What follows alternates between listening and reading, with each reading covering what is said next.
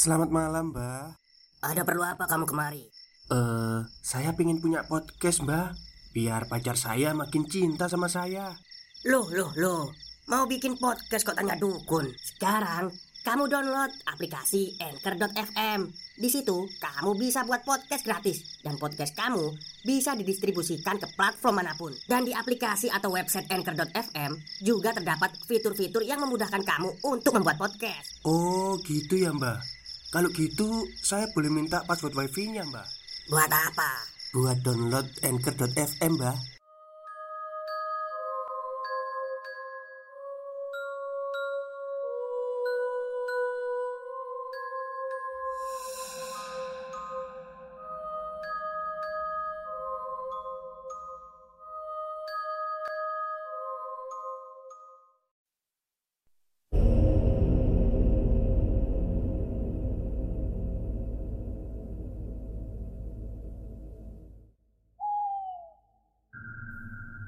Assalamualaikum warahmatullahi wabarakatuh. Halo semuanya Jumpa lagi dengan saya Chow Sing Sing Kurator dari podcast Horror Night Story. Halo apa kabar semuanya? Semoga kalian semua sehat-sehat ya. Dan seperti biasanya pada malam hari ini saya kembali Dan akan membawakan sebuah kisah mistis untuk kalian semua Kisah mistis kali ini saya datangkan dari Mas Bri Story yang menceritakan tentang seorang pemuda yang ditugaskan bekerja di suatu desa terpencil yang ada di pedalaman Sumatera. Seperti apa kisahnya? Mari kita simak. Di daerah terpencil banyak kisah mencekam yang gak masuk di akal, tapi kejadian banyak orang yang sukar untuk percaya, bahkan benar-benar merasakan sendiri keseramannya. Ada satu kisah telaga kecil di desa terpencil di pedalaman Sumatera. Simak di sini di Bri Story. Aku Rendri. Awal tahun 2002, aku ditugaskan oleh perusahaan tempatku bekerja untuk tinggal di satu desa terpencil di pedalaman Sumatera. Tugasku adalah mensosialisasikan berbagai produk pertanian dan perkebunan, termasuk pupuk yang kami produksi, kepada penduduk, khususnya petani di desa itu. Ya, namanya juga tugas. Mau gak mau harus menerima dan menjalaninya. Intinya seperti itu. Tugasku mengajarkan petani dalam menggunakan produk perusahaan dari sejak awal tanam sampai akhirnya panen tiba. Awalnya, aku yang masih lajang berpikir banyak positifnya dari tugas ini. Bisa tinggal di tempat yang sama sekali belum pernah aku kunjungi, menghirup segarnya udara daerah pedalaman, menikmati tenangnya kehidupan yang sangat bertolak belakang dengan yang aku jalani di Jakarta. Bisa menyepi sementara waktu, hidup tenang, tapi pada prosesnya ternyata banyak kendala yang harus dihadapi dan dilalui. Kendala terkait dengan pekerjaan maupun bukan, tapi tetap saja harus aku jalani semuanya. Desa tempatku bertugas ini letaknya dekat dengan perbatasan Lampung dan Sumatera Selatan. Masih masuk di wilayah Sumsel, sangat terpencil. Berjarak sekitar satu setengah jam dari kota terdekat. Itu pun bukan kota besar. Desa yang masih hanya bisa dijangkau dengan kendaraan roda dua akan memerlukan perjuangan ekstra keras apabila memaksa menggunakan roda empat. Bisa sih, tapi susah. Dengan keadaan seperti itu, jadinya aku harus mengerahkan fisik dan tenaga sedari awal menginjakan kaki di sini. Ke mana-mana lebih banyak jalan kaki. Motor hanya digunakan kalau harus bepergian ke kota.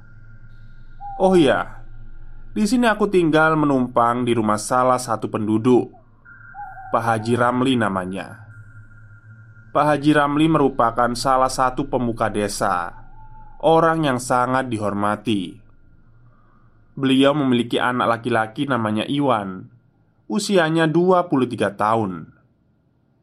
Begitulah singkat ceritanya. Yang pasti Di desa ini aku mendapat satu penggalan fase hidup Yang belum pernah aku alami sebelumnya. Satu penggalan aneh yang mengoyak nalar Fase seram di luar jangkau logika. Telaga kecil di pedalaman Sumatera. Sudah lama mas. Emang sudah dari zaman dulu desa ini terkenalnya begitu. Selain hasil tani dan kebun yang bagus Juga terkenal dengan keangkerannya Khususnya telaga yang di belakang itu. Hehe.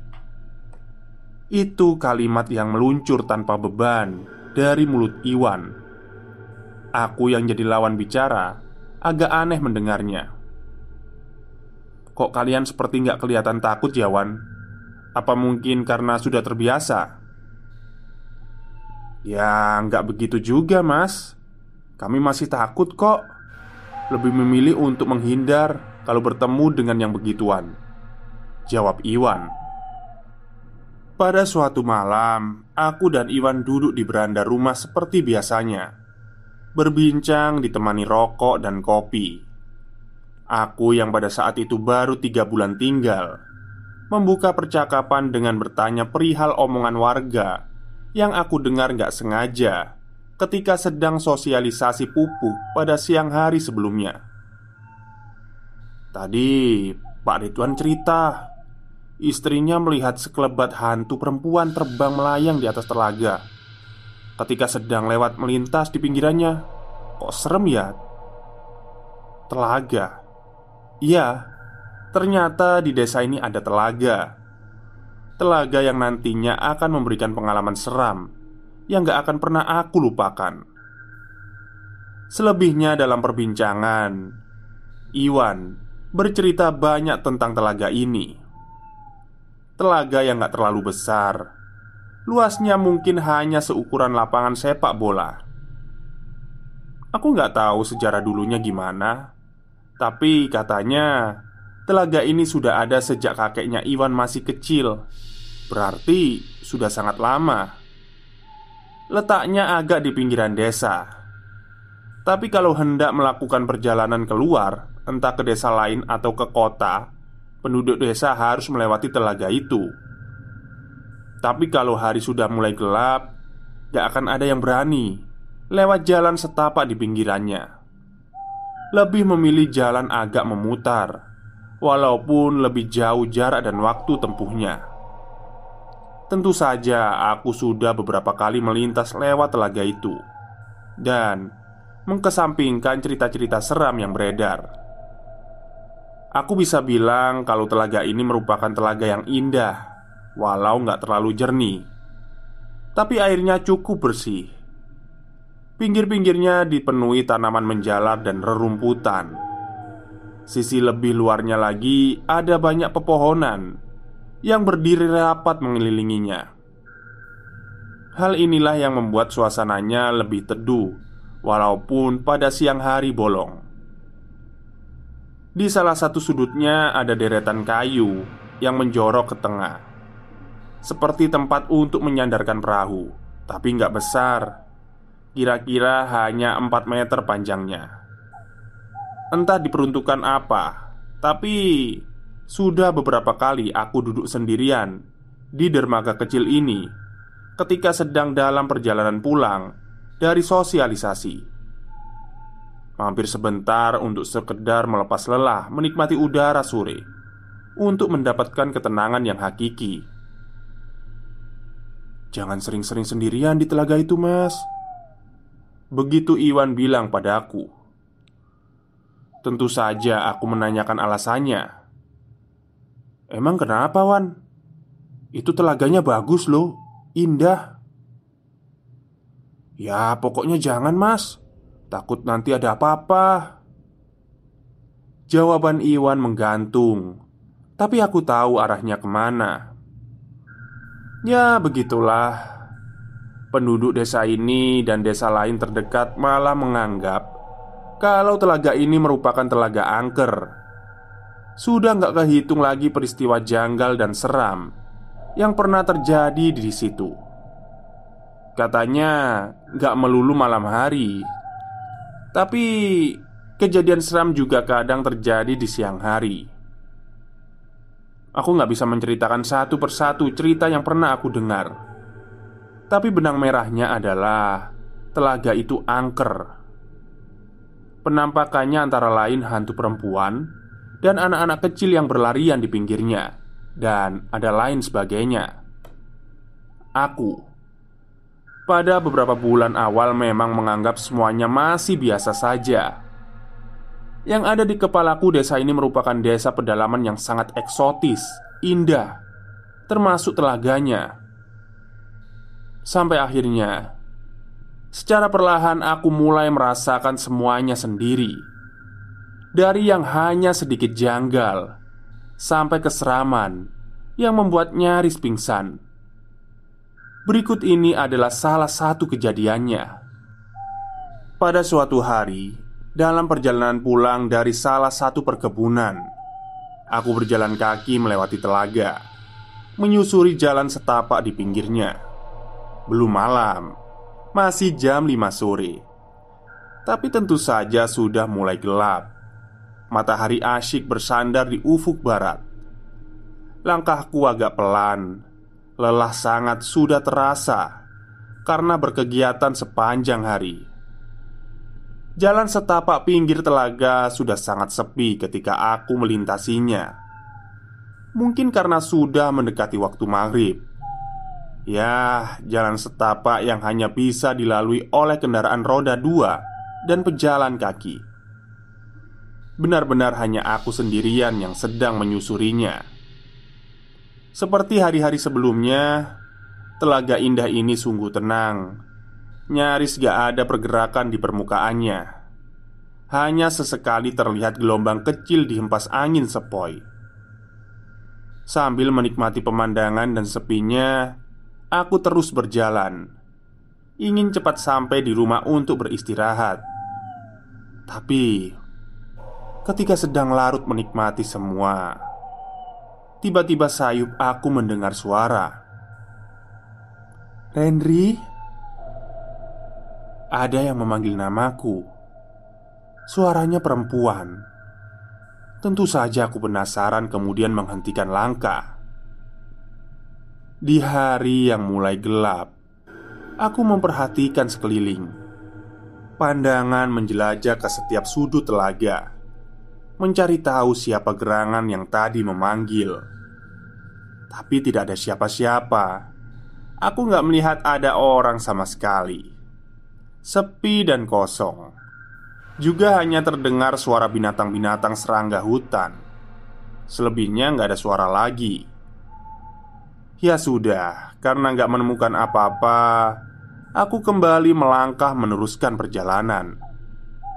Tapi baru saja beberapa langkah, lagi-lagi suara itu muncul dari kejauhan. Henry, sekali lagi aku berhenti. Siapa sih manggil-manggil? Sunggutku dalam hati. Di titik ini belum terlintas sedikit pun pikiran aneh. Yang aku tahu, ada orang yang memanggil dari kejauhan. Itu saja. Ya sudah, karena penasaran, aku lalu berbelok, melangkah mendekati telaga, menuju dermaga kayu kecil tempat biasa aku duduk sendirian. Hari sudah semakin gelap. Aku yang masih terkungkung penasaran lagi-lagi memperhatikan sekeliling. Kali ini, sambil berdiri di ujung dermaga kayu, karena dari tempat ini aku bisa melihat nyaris ke seluruh sudut telaga. Airnya sangat tenang, gak ada pergerakan sama sekali. Suasananya terbunuh sepi, dead silent. Cukup lama aku diam berdiri Sampai akhirnya aku melihat sesuatu Ada pergerakan di tengah-tengah telaga. Permukaan air yang tadinya sangat tenang tiba-tiba bergelombang kecil, seperti ada yang sedang membuatnya bergerak. Aku terus memperhatikan pergerakan itu. Semakin lama, semakin jelas terlihat kalau pergerakan air itu bergerak maju, gak diam di tempat, seperti ada benda di permukaan yang sedang berenang, bergerak mendekat ke tempatku yang sedang berdiri. Apa itu? ikan, ular, atau hewan lain. Pada saat itu aku nggak tahu dan belum tahu. Gelombang kecil air terus mendekat dan semakin mendekat. Hari yang sudah semakin gelap membuat aku masih belum juga bisa memastikan hewan apa yang sedang berenang. Padahal jaraknya sudah cukup dekat. Sampai akhirnya gelombang itu terlihat melambat dan semakin melambat. Lalu berhenti hanya beberapa meter dari tempatku berdiri. Karena masih belum jelas juga benda apakah itu, seketika itu juga aku berusaha untuk fokus memperhatikannya, menerka-nerka. Lalu tiba-tiba jantung seperti berhenti berdegup, nafas tertahan. Ketika akhirnya aku bisa melihat dengan jelas bentuk dari benda misterius yang diam di permukaan. Beberapa detik lamanya, tubuhku nggak bisa bergerak. Hanya pandanganku saja yang fokus memperhatikan objek seram itu. Benar, objek seram. Benda itu ternyata seonggok kepala dengan rambut panjang hitam tergerai di belakang, mengambang di permukaan. Aku hanya bisa melihat kepala saja. Gak ada bagian tubuh yang lain. Wajah pucat seramnya datar tanpa ekspresi Tapi seperti sedang memperhatikan. Matanya mati tak bercahaya. Jadi Yang aku lihat sejak tadi berenang mendekat dari tengah danau Ternyata adalah kepala berambut panjang Sangat menyeramkan. Setelah beberapa belas detik terpana ketakutan, akhirnya aku mampu untuk melangkah mundur menjauh perlahan, lalu lari jauh-jauh meninggalkan telaga itu. November 2002 Pak Husni dan Iwan terus ngobrol Sambil sesekali diselingi gelak tawa berderai. Sementara aku lebih banyak jadi pemerhati Dan pendengar yang baik. Walau tetap menimpali omongan mereka sesekali. Nyaris jam 12 tengah malam ini Kami duduk di pos ronda berbentuk rumah panggung Yang ukurannya nggak terlalu besar. Mungkin hanya sekitar 4 kali 4 meter saja. Jadi Maksimal hanya ditempati oleh 6-7 orang saja. Pos ronda yang dikelilingi oleh rapatnya pepohonan bambu ini letaknya di pinggir desa, berbatasan langsung dengan hutan dan perkebunan. Lampu teplok berukuran besar jadi satu-satunya sumber penerangan. Tapi walaupun begitu, cahayanya masih mampu menerangi seisi pos dan sebagian kecil luarnya. Malam ini nggak ada angin Udara nggak berderak sama sekali. Jadinya sangat sepi. Nggak ada suara dedaunan dan pohon yang bergerak bergoyang. Jadi Gimana mas? Betah kan tinggal di kampung kami? Hehe. Pak Husni melontarkan pertanyaan. Betah pak, betah. Jawabku pendek. Udah berapa lama ya di sini? 6 bulan Setahun? Ah, Bapak, baru tujuh bulan Pak saya di sini. Saya suka suasananya, masih sangat asri. Beda banget dengan di kota besar. Ya, beginilah Mas. Desa terpencil, jauh dari mana-mana. Hehe, Iwan menambahkan. Aku hanya termanggut-manggut sambil tersenyum setelahnya. Ya, ternyata nggak terasa aku sudah tujuh bulan lebih tinggal di desa ini. Dari satu tahun rencananya. Malam itu aku dan Iwan kebagian tugas untuk sis kampling. Ini bukanlah sis kampling pertamaku selama tinggal di desa ini. Sebelumnya sudah beberapa kali. Bedanya dengan berbagai alasan. Kali ini hanya aku, Iwan, dan Pak Husni saja yang bertugas biasanya ada 5 enam orang. Tapi nggak apalah. Toh tugas siskampling di sini tergolong mudah. Hanya sesekali berkeliling membawa kentongan dan obor atau lampu senter sebagai penerangan. Menurut warga, sudah bertahun-tahun lamanya belum pernah ada kejadian pencurian. Desa ini tergolong aman tentram sejak lama. Mas, setengah jam lagi kita keliling ya. Iwan bilang gitu di sela obrolan. Iya Wan. Sebatang dulu ya Jawabku. Memang sudah jam 12 tengah malam. Kami harus mulai berkeliling. Stop stop. Kita break sebentar. Jadi gimana? Kalian pengen punya podcast seperti saya? Jangan pakai dukun. Pakai anchor. Download sekarang juga. Gratis Desa ini nggak terlalu luas. Berjalan kaki mengelilinginya nggak butuh waktu lama. Hanya kira-kira satu jam lebih sudah selesai. Sesuai rencana Aku dan Iwan akhirnya mulai berjalan kaki pada pukul setengah satu. Berbekal lampu senter di tanganku Dan obor dalam genggaman Iwan.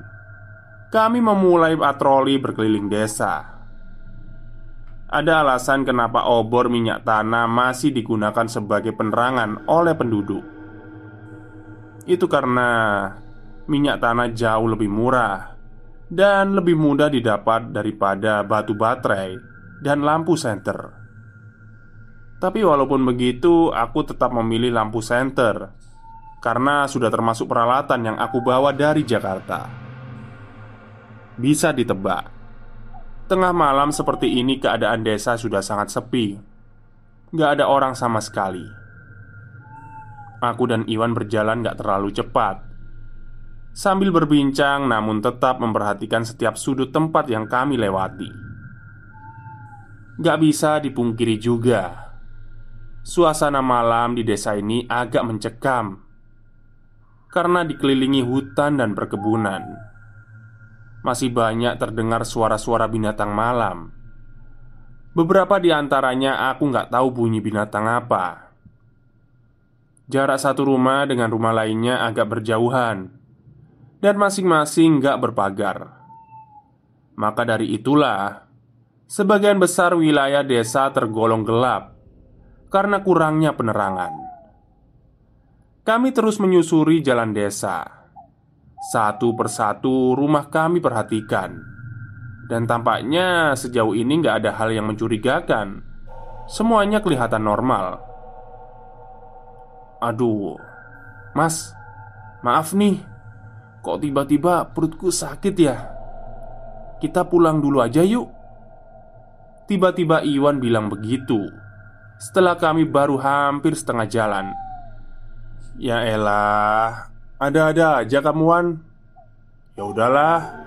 Mendingan kamu ke toilet musola aja tuh Lebih dekat. Jawabku. Iwan mengikuti saranku. Dia lantas memilih untuk berlari kecil menuju musola Yang jaraknya lebih dekat daripada harus pulang ke rumah.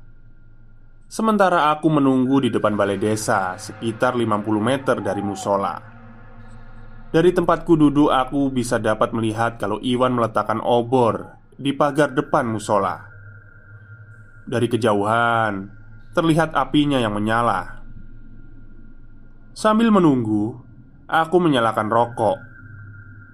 Angin malam mulai terasa berhembus. Dinginnya perlahan merambah menyentuh kulit. Sesekali aku melirik ke arah musola.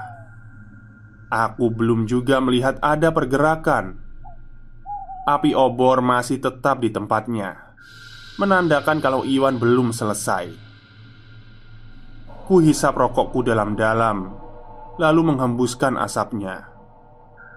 Hal ini sedikit banyak bisa memberi kehangatan. Kemudian berikutnya aku malah tenggelam dalam lamunan Menatap kosong ke depan Sampai-sampai Aku lupa memperhatikan musola Selama beberapa menit lamanya Nah Ketika sudah tersadar Aku lalu menoleh ke musola Ternyata obor sudah nggak berada di tempatnya lagi Tapi sudah bergerak berjalan Ah, akhirnya Iwan selesai juga, gumamku. Tapi, kalau aku perhatikan lebih seksama, ternyata ada yang aneh. Kelihatan dari cahaya apinya, ternyata obor gak mendekat bergerak ke arahku, malah kelihatan menjauh. Ya, tampaknya Iwan malah berjalan ke arah berlawanan. Melihat itu, aku langsung bangun dari duduk lalu berjalan mengejar Iwan. Jarak kami masih terlalu jauh. Cahaya lampu senter belum bisa menjangkau Iwan. Aku hanya bisa melihat cahaya kecil obor dari kejauhan dan mengikutinya. Yang agak aneh, Iwan berjalan cukup cepat, jadi aku harus mengimbanginya. Aku nggak berani memanggil Khawatir nanti suara keras teriakanku akan membangunkan warga. Aku lebih memilih untuk terus mengejarnya. Aku mulai berlari kecil untuk terus mengimbangi pergerakan Iwan. Jarak kami jadi lebih dekat, tapi beberapa detik kemudian aku malah memperlambat langkah. Karena tiba-tiba aku menyadari sesuatu. Seketika aku sadar kalau ternyata kami malah melangkah keluar desa. Ditandai dengan gak terlihat ada lagi rumah penduduk di sekitaran. Lalu, ke arah mana kami bergerak melangkah? Ternyata aku mengikuti Iwan menyusuri jalan setapak menuju telaga. Ya, dalam gelapnya malam di tepi hutan kami malah berjalan menuju tempat yang dikenal angker Telaga. Aduh Iwan mau apa sih ke telaga? Dalam hati aku bertanya-tanya. Sempat terbesit pikiran untuk berhenti mengikuti Lalu kembali ke desa Tapi rasa penasaran Menutupi segalanya Aku malah terus ikut melangkah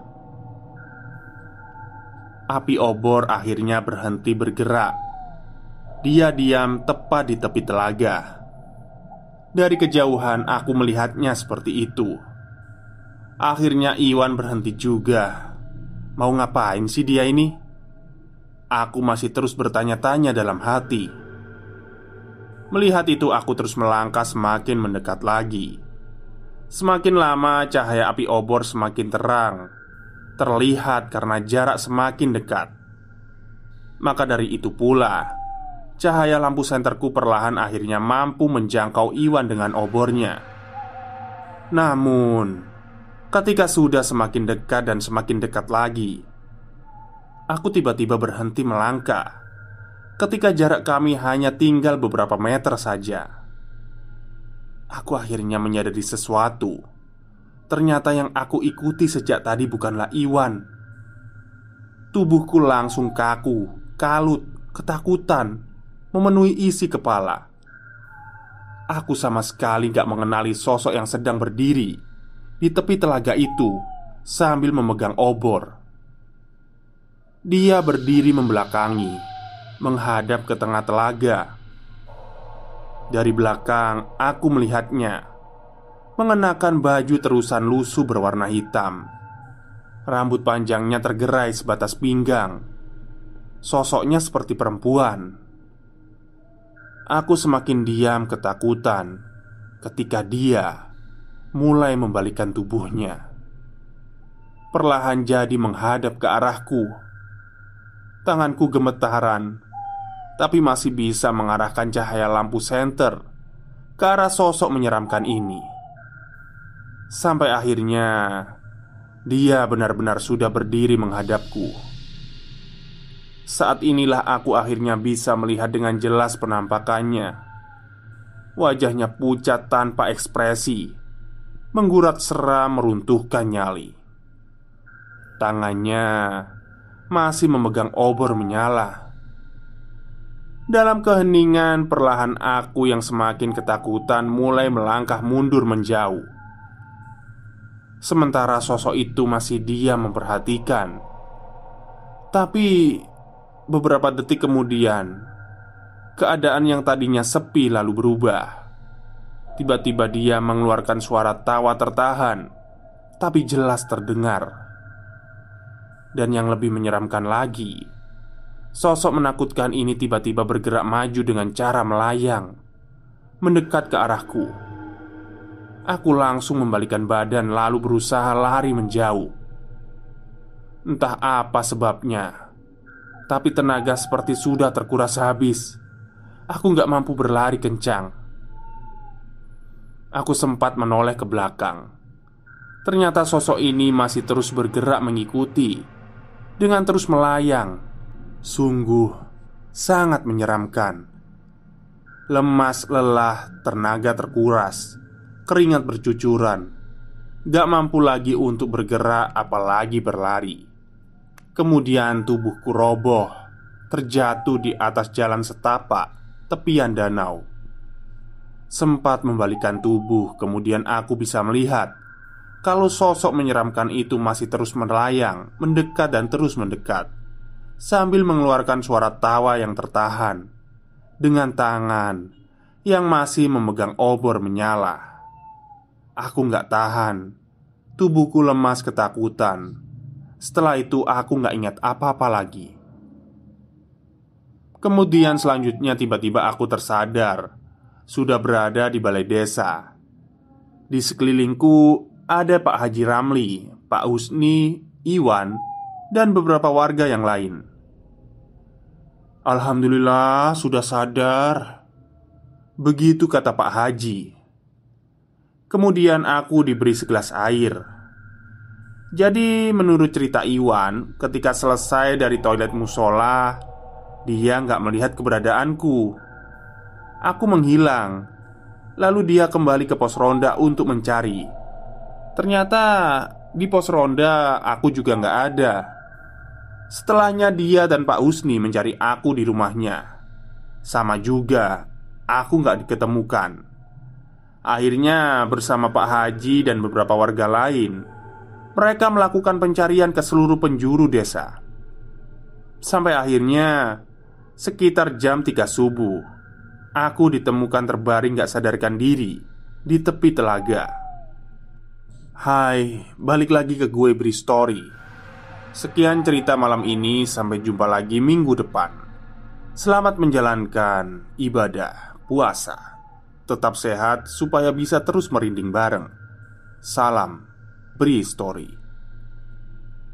Baik, itulah kisah yang dituliskan oleh Mas Bri Story ya Tentang seorang pemuda yang ada tugas kerja di sebuah desa terpencil dan ternyata desa itu memiliki sebuah danau atau telaga yang angker. Ya, banyak ya desa-desa yang menyimpan sebuah apa ya? Kalau nggak telaga ya mungkin sumur gitu. Oke, mungkin itu saja yang bisa saya sampaikan pada malam hari ini.